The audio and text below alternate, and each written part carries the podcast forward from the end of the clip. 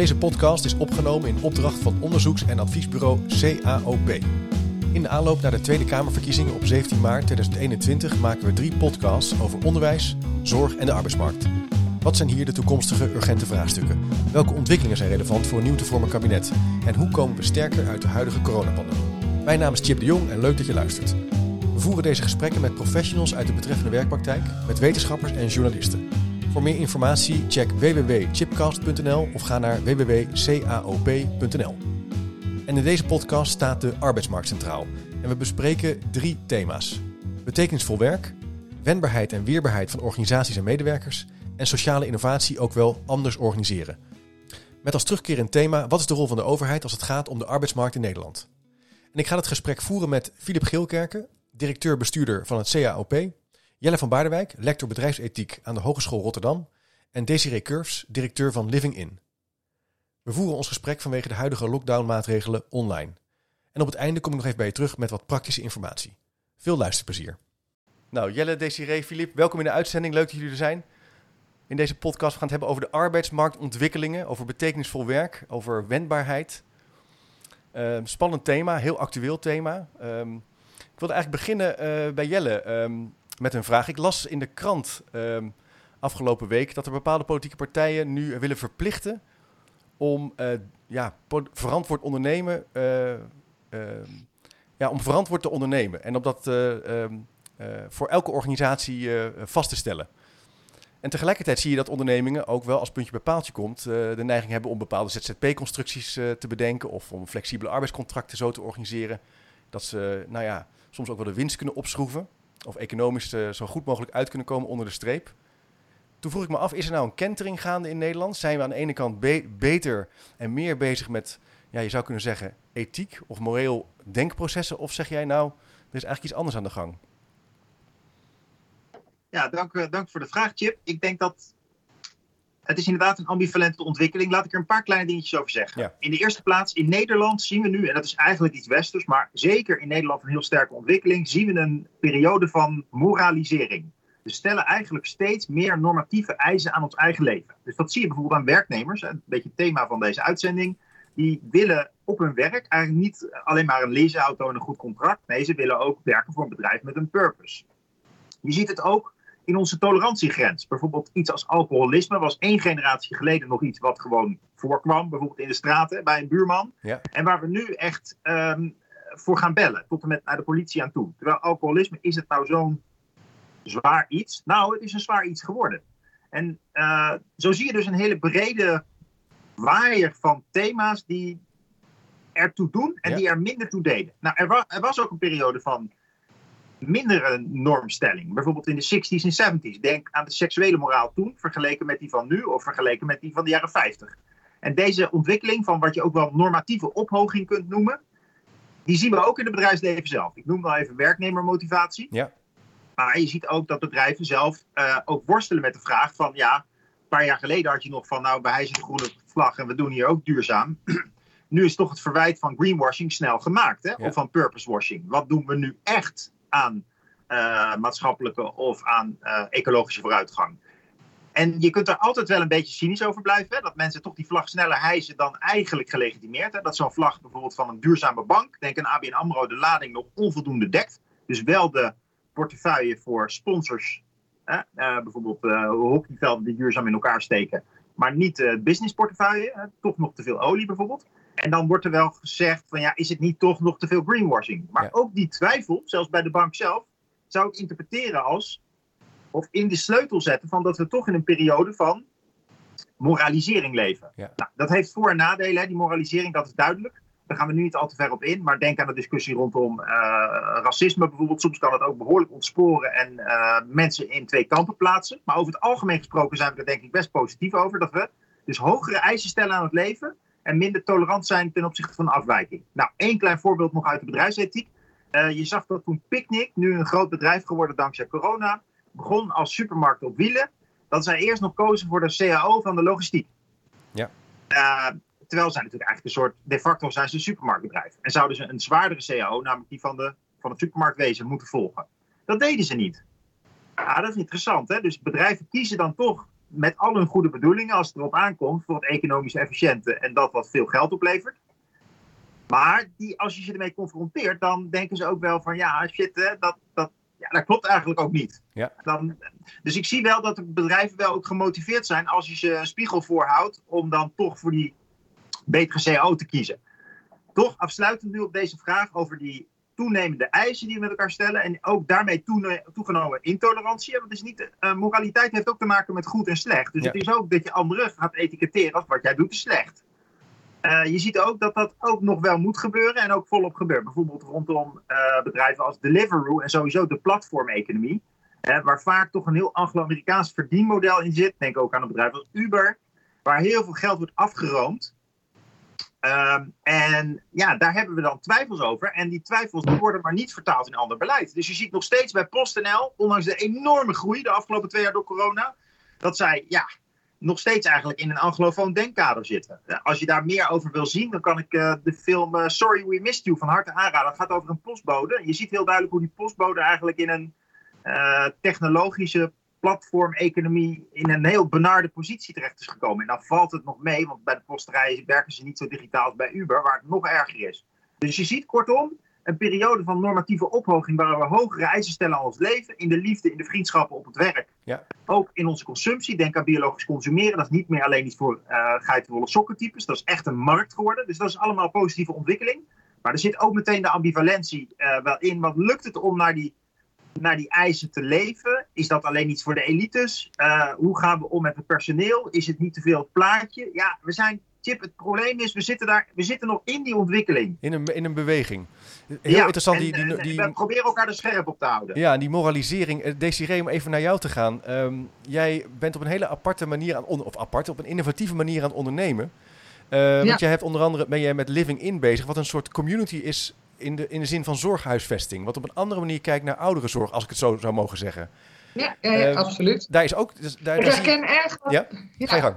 Ik, ik herken trouwens erg wat Jelle zegt. Hè. Wat, wat natuurlijk ook wel spannend is voor ondernemers nu, is dat uh, uh, informatie ook echt extreem snel toegankelijk is. Hè? Ik bedoel, het was hilarisch toen de TOZO's verstrekt werden, dat binnen no time een politieke partij in beeld kwam die een TOZO had aangevraagd voor medewerkers. Hè? Dus we zien dus de toegankelijkheid van informatie die we nou, tot een jaar of tien geleden niet zo snel hadden, maakt ook dat we natuurlijk veel meer op de scherpte zitten. Dat maakt ondernemen ook wel spannend. Hè? Want ik bedoel, het, het over het ondernemerschap, en doe je het goed, dat neemt toe. En, en dat is ook een, een, een, een, zoektocht. Want uiteindelijk wil je natuurlijk als ondernemer ook nou, je prestaties leveren, je moet, je salaris, je moet wel overleven. Hè? Dus als ze hele hoge eisen stellen aan verduurzaming, et cetera, dan zit ook een, een, financieel plaatje aan. Dus waar ligt nou die balans? Dat is een, een zoektocht. Nou, wat wij binnen Living In doen is eigenlijk wel, uh, pas wel erg in de tijdsgeest van nu. En dat sluit erg aan bij wat Jelle zegt. Hè. Wij hebben onszelf als ontwikkelaars buitengewoon, uh, hè, dus de directeur-eigenaar, gefrustreerd over het feit dat als je uh, ouder wordt en een van beide ouders heeft extreem veel zorg nodig, dat je dan genoodzaakt bent om die ouder nou, soms 20, 30 kilometer verderop in een tehuis uh, te plaatsen. Nou, dat, heeft, dat is hem overkomen bij zijn eigen ouders. En dat was voor hem de trigger om te zeggen, hey, daar moeten toch andere oplossingen voor zijn. Dus nou, dat heeft geleid tot het concept Living In. En dan hebben we eigenlijk het aantal maatschappelijke vraagstukken van nu bij elkaar in een kleine community gebracht. Dat betekent dat we daar nou, seniorenwoningen bouwen die eigenlijk leeftijdbestendig zijn. Dus alle voorzieningen zijn er. Uh, daar is een, een, zorgvleugel waar 24 uur zorg wordt geboden, die dus ook de zorg kan bieden. En wat erg leuk is, is dat er ook een startersvleugel is. En die kunnen daar tegen een sociale huurprijs wonen. met als tegenprestatie dat zij sociale mantelzorgtaken doen voor de senioren. Maar vice versa ook. Hè. Dus we zien ook dat senioren het prima vinden om even een pakje in ontvangst te nemen als uh, de, de, junior, de starter die daar woont, uh, overdag aan het werk is of een klein boodschapje te gaan doen. de starter helpt weer de, de senior of gaat de senior mee naar een lokale voetbalwedstrijd. Dus er ontstaat een bepaalde chemie. omdat we erg geloven dat mensen uiteindelijk, en dat sluit een beetje aan bij Jelle, want waar komt die moraliteit nou vandaan? Uiteindelijk willen we natuurlijk toch graag betekenisvol leven. En dat betekenisvolle leven kan ze vertalen in iets bedoelen voor de ander, maar ook hè, dus dat purpose verhaal. Van wat is de footprint die ik zelf achterlaat? Wat is de footprint die het bedrijf waar ik werk achterlaat? en dat moet wel authentiek zijn. Hè? Dus het, is. Mag geen trucje zijn. Nee, en, en die, die authenticiteit, daar word je ook wel echt op gechallenged. En, en terecht, hè, want het is makkelijk gezegd van, nou, uh, inclusief uh, werkgeverschap, uh, we vinden dat belangrijk. Ja. Dat we ook een plek bieden aan mensen die een, een, rugzakje meenemen. Maar we hebben in de coronatijd natuurlijk gezien dat heel veel groepen, juist de meest kwetsbare werknemers in de, op de arbeidsmarkt, als eerste buiten de boot vielen. Dus hoe, hoe authentiek en hoe ja. intrinsiek gemotiveerd zijn we nu als ondernemers om dit daadwerkelijk vorm te geven? ik zou dan even nog naar Filip willen gaan. Want je ziet dus dat dit een, een vorm van zorgverlening is. Waar ik kan me voorstellen, die zorgprofessional dus ook.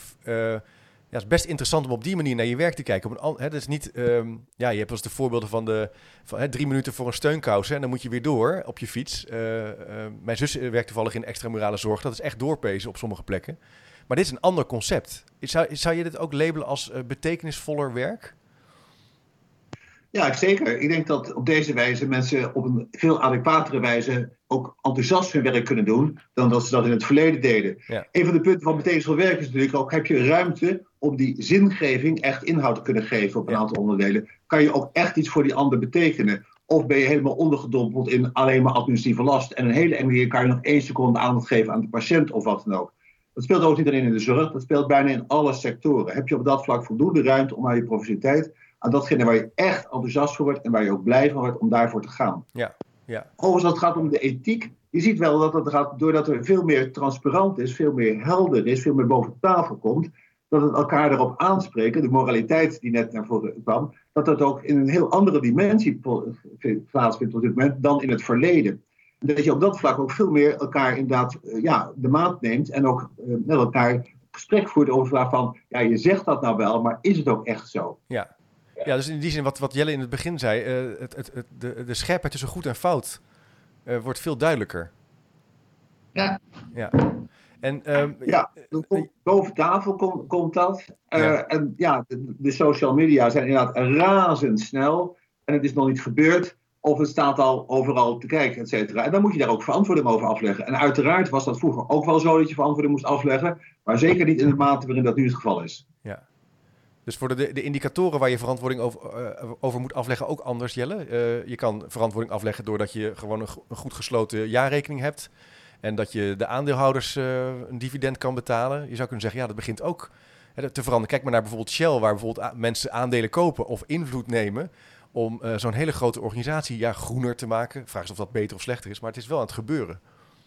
Zie je dat ook of, kijk je daarnaar? Ehm, nou, dit is wel ik denk dat mensen op persoonlijk niveau, dus bijvoorbeeld als consumenten in de supermarkt, moreel bewuster met economie bezig zijn. Dus letterlijk daar meer voor betalen.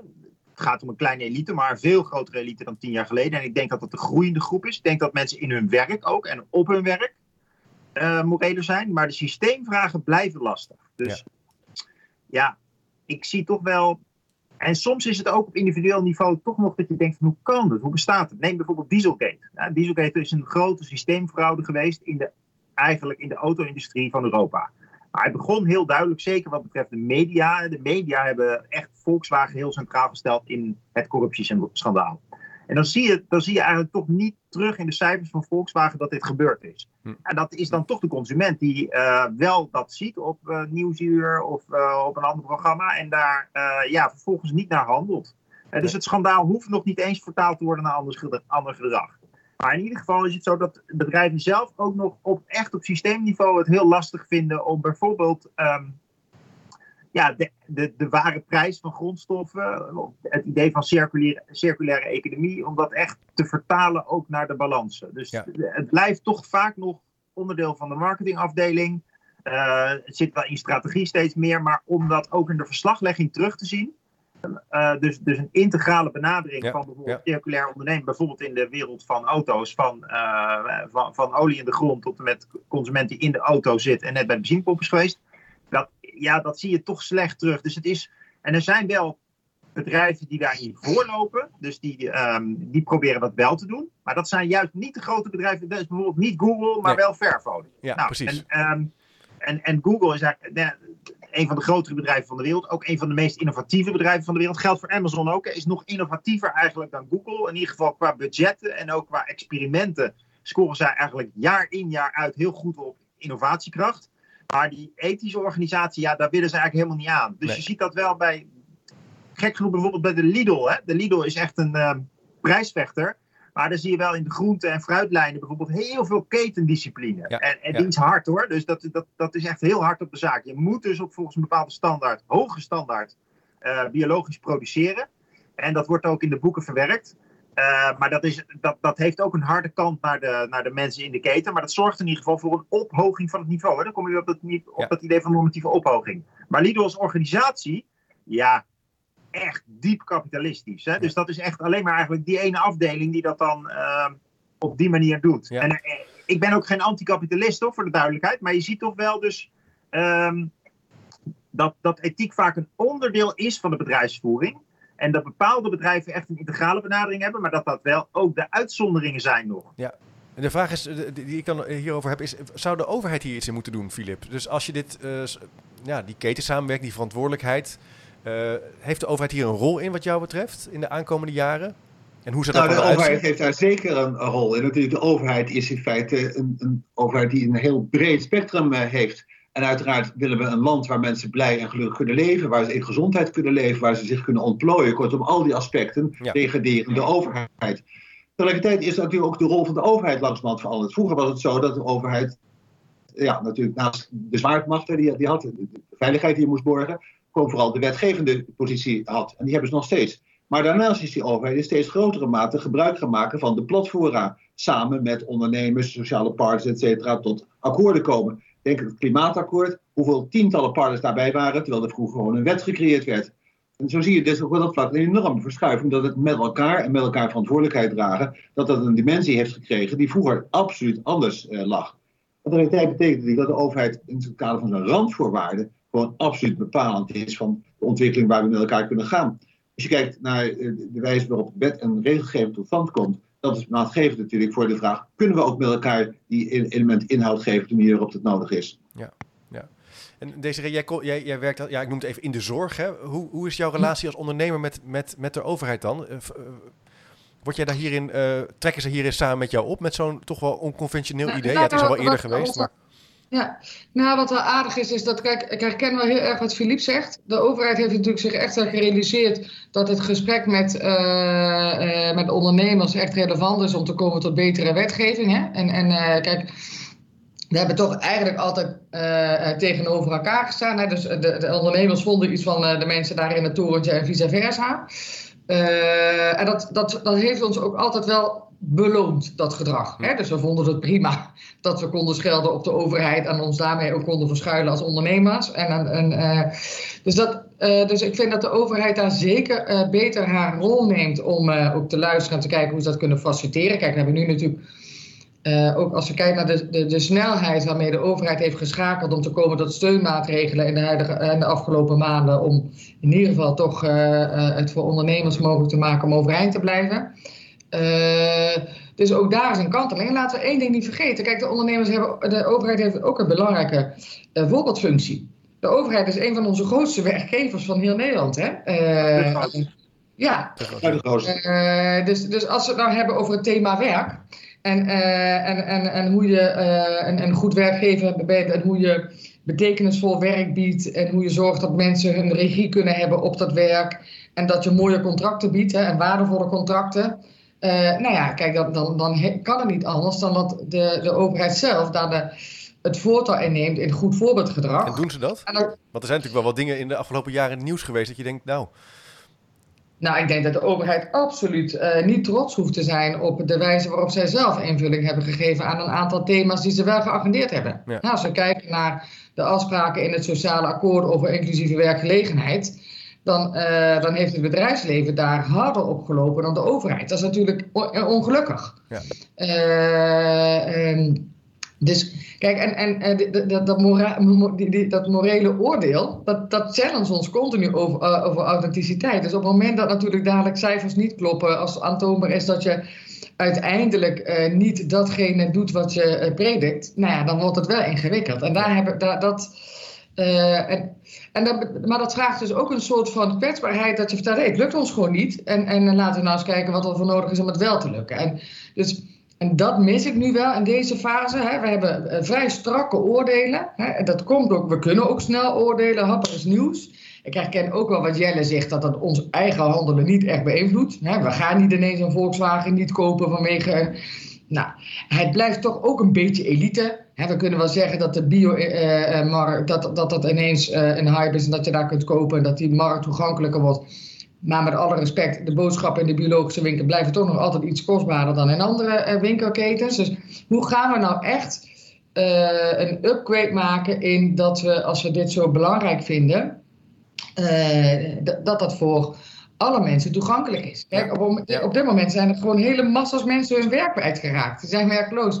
Ja, uh, die, die, zijn, dat, dat, dat, dat stelt, hè, als je kijkt naar de piramide van Pavlov, als ik al die basiszekerheid kwijt ben, van een baan, van een inkomen, van een toekomstig pensioen, van een bepaalde zekerheid dat ik ertoe doe, dat ik betekenis heb, ja, dan, staat alles op zijn kop. En, dan komen we niet zo verder. en ik vind dat daar dat daar natuurlijk. Dus, dus het, de, de, de, discussie over wat de betekenis is van werk en wat dat vraagt, van de rol van werkgevers en wat dat vraagt in wet en regelgeving van de overheid. Als we dat nu niet agenderen, dan zijn we geen knip voor onze neus waard.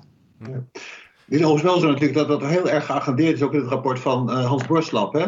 Ja. Van, uh, en daar worden wel een aantal suggesties gedaan, waarvan ik de indruk heb althans dat ook de huidige verkiezingsprogramma's redelijk breed onderschreven wordt dat ze dat willen volgen. En dat zou een antwoord kunnen zijn, althans een begin van antwoord kunnen zijn, op een anders organiseren van die arbeidsmarkt. Ja. Als je het zo, uh, zo ja. ziet. Ja, kijk, je nou, moet sowieso echt anders gaan organiseren. Hè? Dat zie je. VNO, NCW en MKB zeggen ook, we willen een nieuwe koers op. Je ziet in een aantal ja. partijprogramma's inderdaad wat kantelingen. Ook de adviezen uit het platform Toekomst Arbeid worden natuurlijk uh, overgenomen. Hè? De doorvertaling van het rapport van Hans Boslap.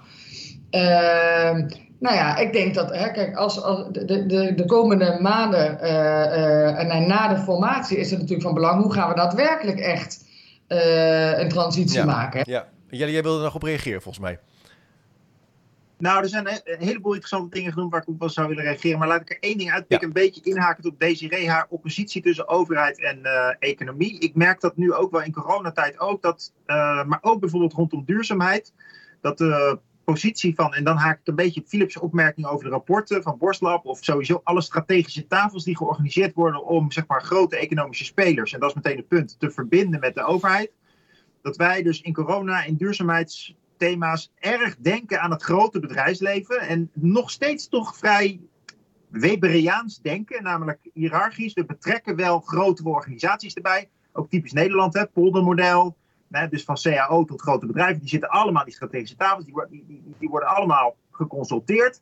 Maar de gewone boeren bijvoorbeeld, hè, die voelen zich echt behoorlijk miskend. Nou, het zou niet de eerste keer in de geschiedenis zijn als er een boerenrevolutie uitspreekt, maar dat even tussendoor. Je ziet dat echt een, de, de, de, de MKB'ers en de, de mensen die gewoon uh, van hun werk hun levenswerk maken. Ja. En niet alleen maar werken voor het geld, maar ook voor de overdracht aan de volgende generatie, omdat ze het leuk vinden in de buurt. Hè. Denk aan een winkel. Uh, ja, die mensen zitten wel echt in het nauw. En ik heb wel het idee dat zeker ook, dus niet alleen corona, maar ook rondom duurzaamheid, dat wij, we denken heel erg in hele grote transities. Ja. Maar de, de aansluitingen, de echte aansluis en het draagvlak van, uh, van dat soort grote transities, dat wordt nog onvoldoende gezocht bij de mensen die het werk echt uitvoeren. Ja. En dat Philippe, zie je ook bijvoorbeeld bij, bij ja, Dus, hè, we, we hebben het over de grote bedrijven, over de, polder, eh, de poldergesprekken, maar die, het MKB, eh, de winkel op de hoek, die betrekken we er niet bij.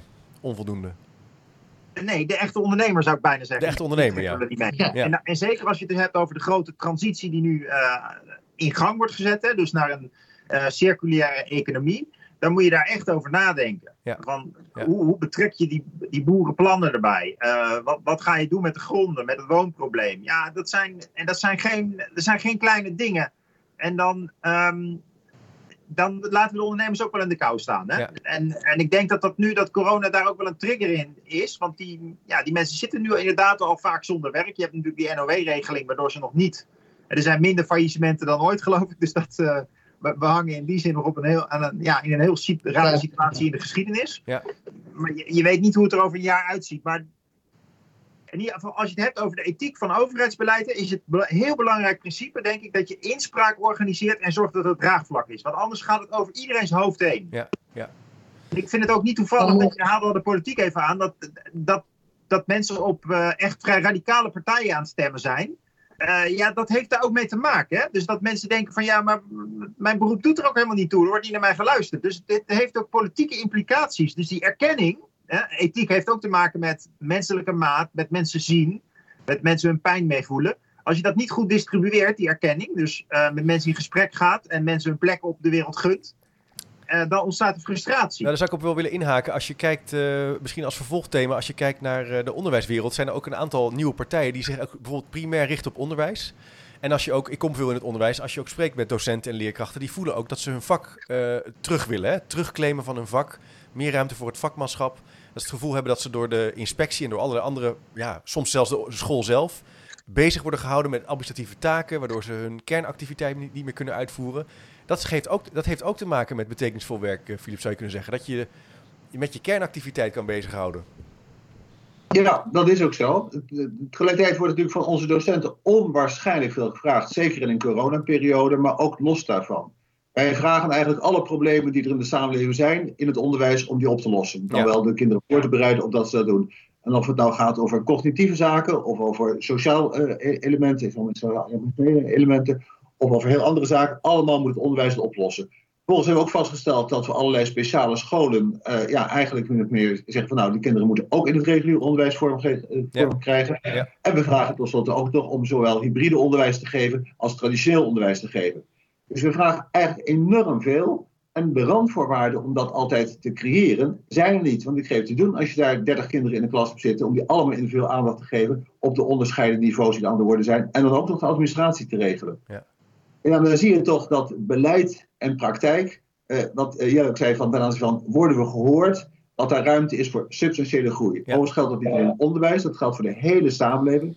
Ik denk dat ook wel een factor daarbij is dat wet en regelgeving en beleid, overigens ook sociaal partnerbeleid, gevoerd wordt door mensen die door de bank genomen wat geleerd hebben. Die aardig gestudeerd hebben, die in een bubbel zitten van mensen die vergelijkbaar zijn op dat vlak.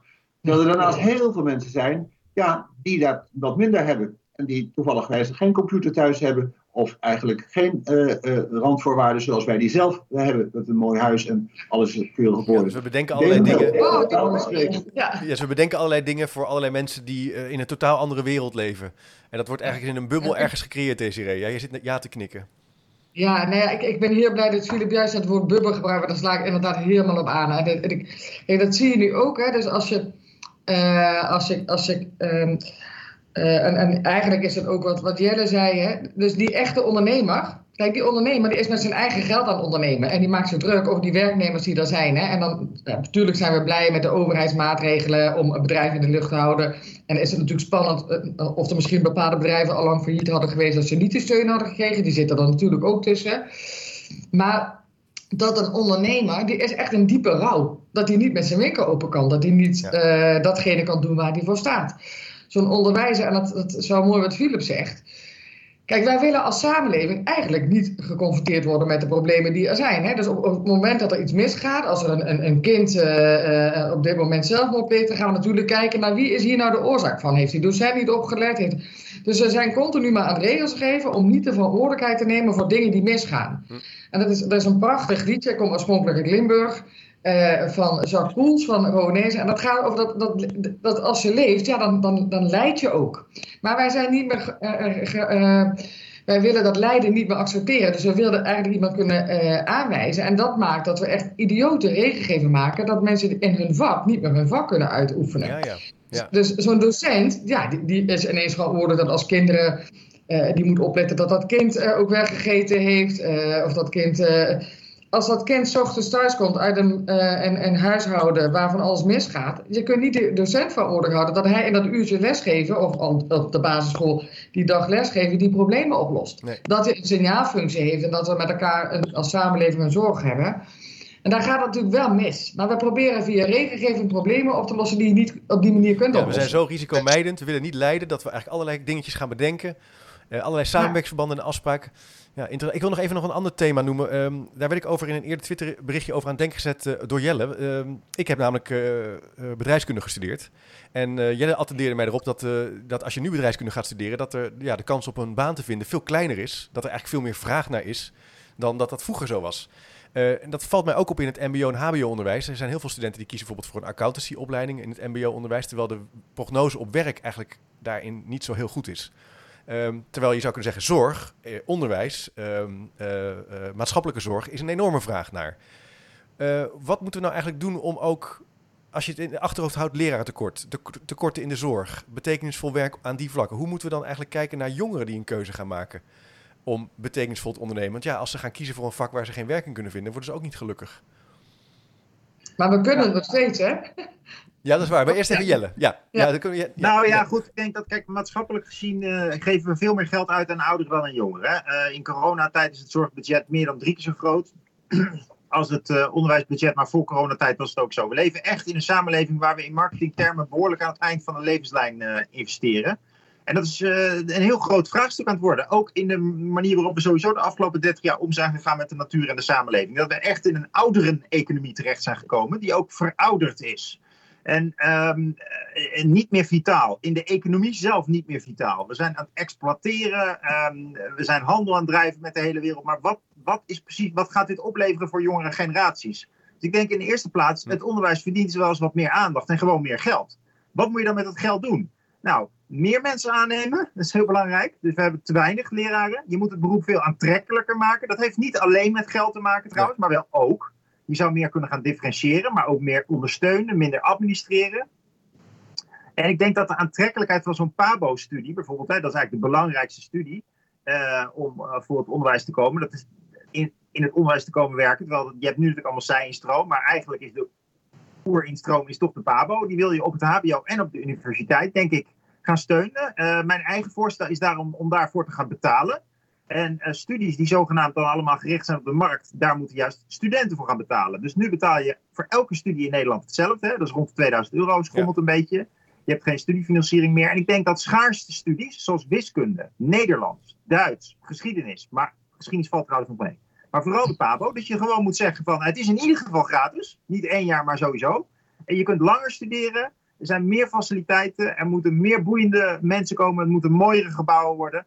Want die gebouwen die zitten nu allemaal bij bedrijfskunde en accountancy. Terwijl die mensen hebben gewoon niet meer nodig. We hebben genoeg bedrijfskundigen. Dat is gewoon een simpel feit. Bijna een kwart van de mensen studeert al, nou ja, twee decennia bedrijfskunde. Dus we hebben er genoeg. Het is een hele leuke studie. Als jij het wil blijven doen, moet je het ook vooral doen. Maar je moet niet denken dat dat onder dezelfde voorwaarden kan als uh, dat je lerares wordt. Of wanneer je wiskunde gaat studeren. Glashelder, Jelle. Dat zegt... ja, ja, dus, dus dit, dit, is, een, dit is een, een, pleidooi voor een echt een andere inrichting uh, van, van, nou, van hogeschool en echt een andere financiering. Je moet echt naar meer financiering van onderwijs. En je zou daarin best kunnen discrimineren. En ook zeggen van, joh hoor eens uh, het is leuk als je economie wil gaan studeren, maar het is gewoon niet zo'n nuttig beroep. En, en dat is niet erg, maar dan, dan, moet je dus ook weten dat je daar zelf meer in moet investeren. Deze, ik zie jouw vinger wel omhoog gaan, duim omhoog volgens mij. Ben je het er hiermee eens? Zo radicaal. Ik, nou, ik, zou, ik zou willen dat ik hem bedacht had, Jelle. Ik vind het geweldig. Want ik bedoel, ik, ik, nou, jullie weten dat niet, maar mijn oorspronkelijke beroep was docent. Dus ik heb de lerarenopleiding ah, gedaan, ik heb ja. les gegeven. Uh, ik, prachtig beroep. En ik heb me altijd uh, uh, in mijn advies als mentor naar studenten altijd wel gezegd: zo eens kies nou een opleiding die ertoe doet. Hè? Dus het middelbaar beroepsonderwijs, daar werkte ik, dat vond ik prachtig onderwijs, omdat het ook opleidde voor een concreet vak waar ook behoefte aan was. Op een gegeven moment kregen we een, een, een, een uitbreiding van opleidingen waarvan je dacht: ja, maar wie gaat, nou, waar gaan zij straks al hun boterham mee verdienen? Dus er zijn mensen toestaan om opleiding te volgen waarvan je weet dat hun kansen op de arbeidsmarkt eigenlijk nul zijn. Waarom doen we dat met z'n allen? Eén, je frustreert dus zo'n uh, student.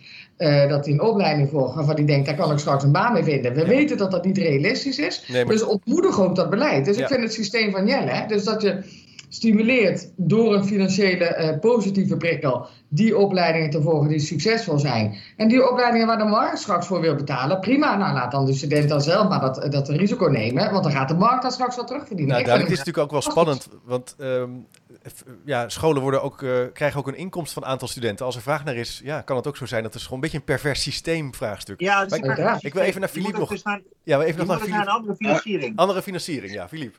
Kijk, de, de ideeën van Jelle en deze race sluiten heel erg aan bij de herwaardering van de vitale beroepen. Ja. En het gaat nu met name over de opleidingskant. En op zichzelf zou je dat kunnen, fiscaal kunnen stimuleren op die manier. Natuurlijk is dat wel hier en daar gebeurt het overigens wel hoor. Dat er al iets van die uh, lijn al in zit. Beperkt. Maar dat zou veel beter kunnen. Maar tegelijkertijd gaat het natuurlijk ook om de hele totaalpakket uh, van onderwijs, zorg, uh, veiligheid, et cetera. Waardoor je op allerlei punten het aantrekkelijker kan maken. En ook mooier kan maken om daar te mogen werken. Ja. Te willen werken. Ja, Jelle. ik denk dat dat een hele goede benadering is. Erg aansluit bij de huidige tijd ook. Dat we toch opnieuw zien van wat doet er echt toe in relatie tot de samenleving. Ja. Nog een laatste punt, uh, Jelle, wilde jij maken volgens mij. Nou ja, ik zie dus, om toch even een klein beetje de oppositie met Philip te zoeken. Ik zie dat, uh, toch een enorme stijging van de kosten van de zorg. Die niet helemaal te verantwoorden is. Hè. Die ligt helemaal in het laatste levensjaar bijvoorbeeld. Uh, dat is opmerkelijk. Dus ik vraag me wel af van ja, hebben we niet te veel een zorg- en veiligheidsfocus? Moeten we niet zeggen van ja, het gaat ook wat kosten die herschikking van onderwijsgelden en het moet toch uit de zorg gaan komen. Ja. Kijk maar naar de rijksbegroting. Ja, ik, ik, ik, kijk maar naar de rijksbegroting, dan zie je het gewoon de verschillen. Ja, nee, daar heb je ook helemaal gelijk. De zorgkosten zijn, zijn, zijn ook enorm hoog. Aan de andere kant heb je wel gigantische tekorten in de zorg. Je hebt enorme tekorten bij de politie, bij defensie, kortom op een heleboel punten. Ja. Dus het is wel, dat gaat toch wel breder dan alleen uh, één uh, sector of één subsector. Ja. Ja. Desiree, ja. Jij, jij, zit in, jij onderneemt in de zorg. Hoe kijk jij hiernaar? Ja, nou ja, kijk, daarin, daar durven we natuurlijk eigenlijk nooit echt goed het gesprek over te gaan, aan te gaan. Maar wij hebben natuurlijk een, een uh, wij vinden allemaal dat we recht hebben op, de, op hetzelfde niveau van zorg. Kijk, uh, en, en, uh, en het, het, ook hier geldt, kijk, als, als ik een vioolspeler ben en ik beschadig mijn hand en ik verdien mijn geld met vioolspelen, uh, dan is het logisch dat ik daar een andere kwalitatieve operatie voor onderga dan dat ik uh, nou ja, mijn werk doe. Uh, dus het differentiëren in uitgaven in de zorg ja. is eigenlijk niet hetzelfde als in het onderwijs. Daar durven we natuurlijk niet echt goed over te hebben. Nee. want dat vinden we onethisch om te zeggen, nou, want, want ieders mens, hoe gaan wij nou het waarde van iemand zijn leven bepalen? maar als enorme kosten moet maken om iemand zijn laatste half jaar te verlengen, gaan we dat nou nog doen? Of, of gaan we. Dus dat zijn natuurlijk. Maar we vinden het wel heel normaal dat we als maatschappij die kosten dragen. En dat, en dat heeft natuurlijk een enorm ophogend effect. Niemand durft dat gesprek aan te gaan. Uh, we ja. stippen het wel eens aan. Ja, we stippen, nou ja, in ieder geval, ja. Je zou kunnen zeggen, in dit gesprek stippen we het aan. Dus het is een spannende redenering, hè? Uh, op basis van die uh, ophoging van die normativiteit, waar we eigenlijk mee starten. Um, ja. Bedankt voor jullie uh, gedachtenuitwisseling. Erg interessant. Ik denk als je luistert dat het wel wat richting geeft voor, nou ja, je zou kunnen zeggen kieskompas.nl of kieswijzer.nl. en uh, er is zeker nog niet het laatste over gezegd, want het, het, roept ook weer allerlei nieuwe vragen op. Maar dat is wel het leuk, leuke hieraan dat we natuurlijk een vervolgdialoog uh, hierover kunnen aangaan. Uh, Desiree, Jelle, Filip, dank jullie wel voor jullie tijd. Ontzettend leuk dat jullie in de, bij, in de uitzending wilden komen. Graag gedaan. Graag gedaan. Doei. Je hebt geluisterd naar de laatste podcast van een drieluikserie in de aanloop naar de Tweede Kamerverkiezingen op 17 maart 2021. In de eerste podcast stond het onderwijs centraal. In podcast 2 de zorgsector. En in deze podcast gingen we dieper in op de arbeidsmarktontwikkelingen in Nederland. En dat gesprek voerde ik met Filip Geelkerken, Jenne van Baardewijk en Desiree Curves. Voor meer informatie, achtergronden of aanverwante thema's neem een kijkje op www.caop.nl of ga naar chipcast.nl. Bedankt voor het luisteren.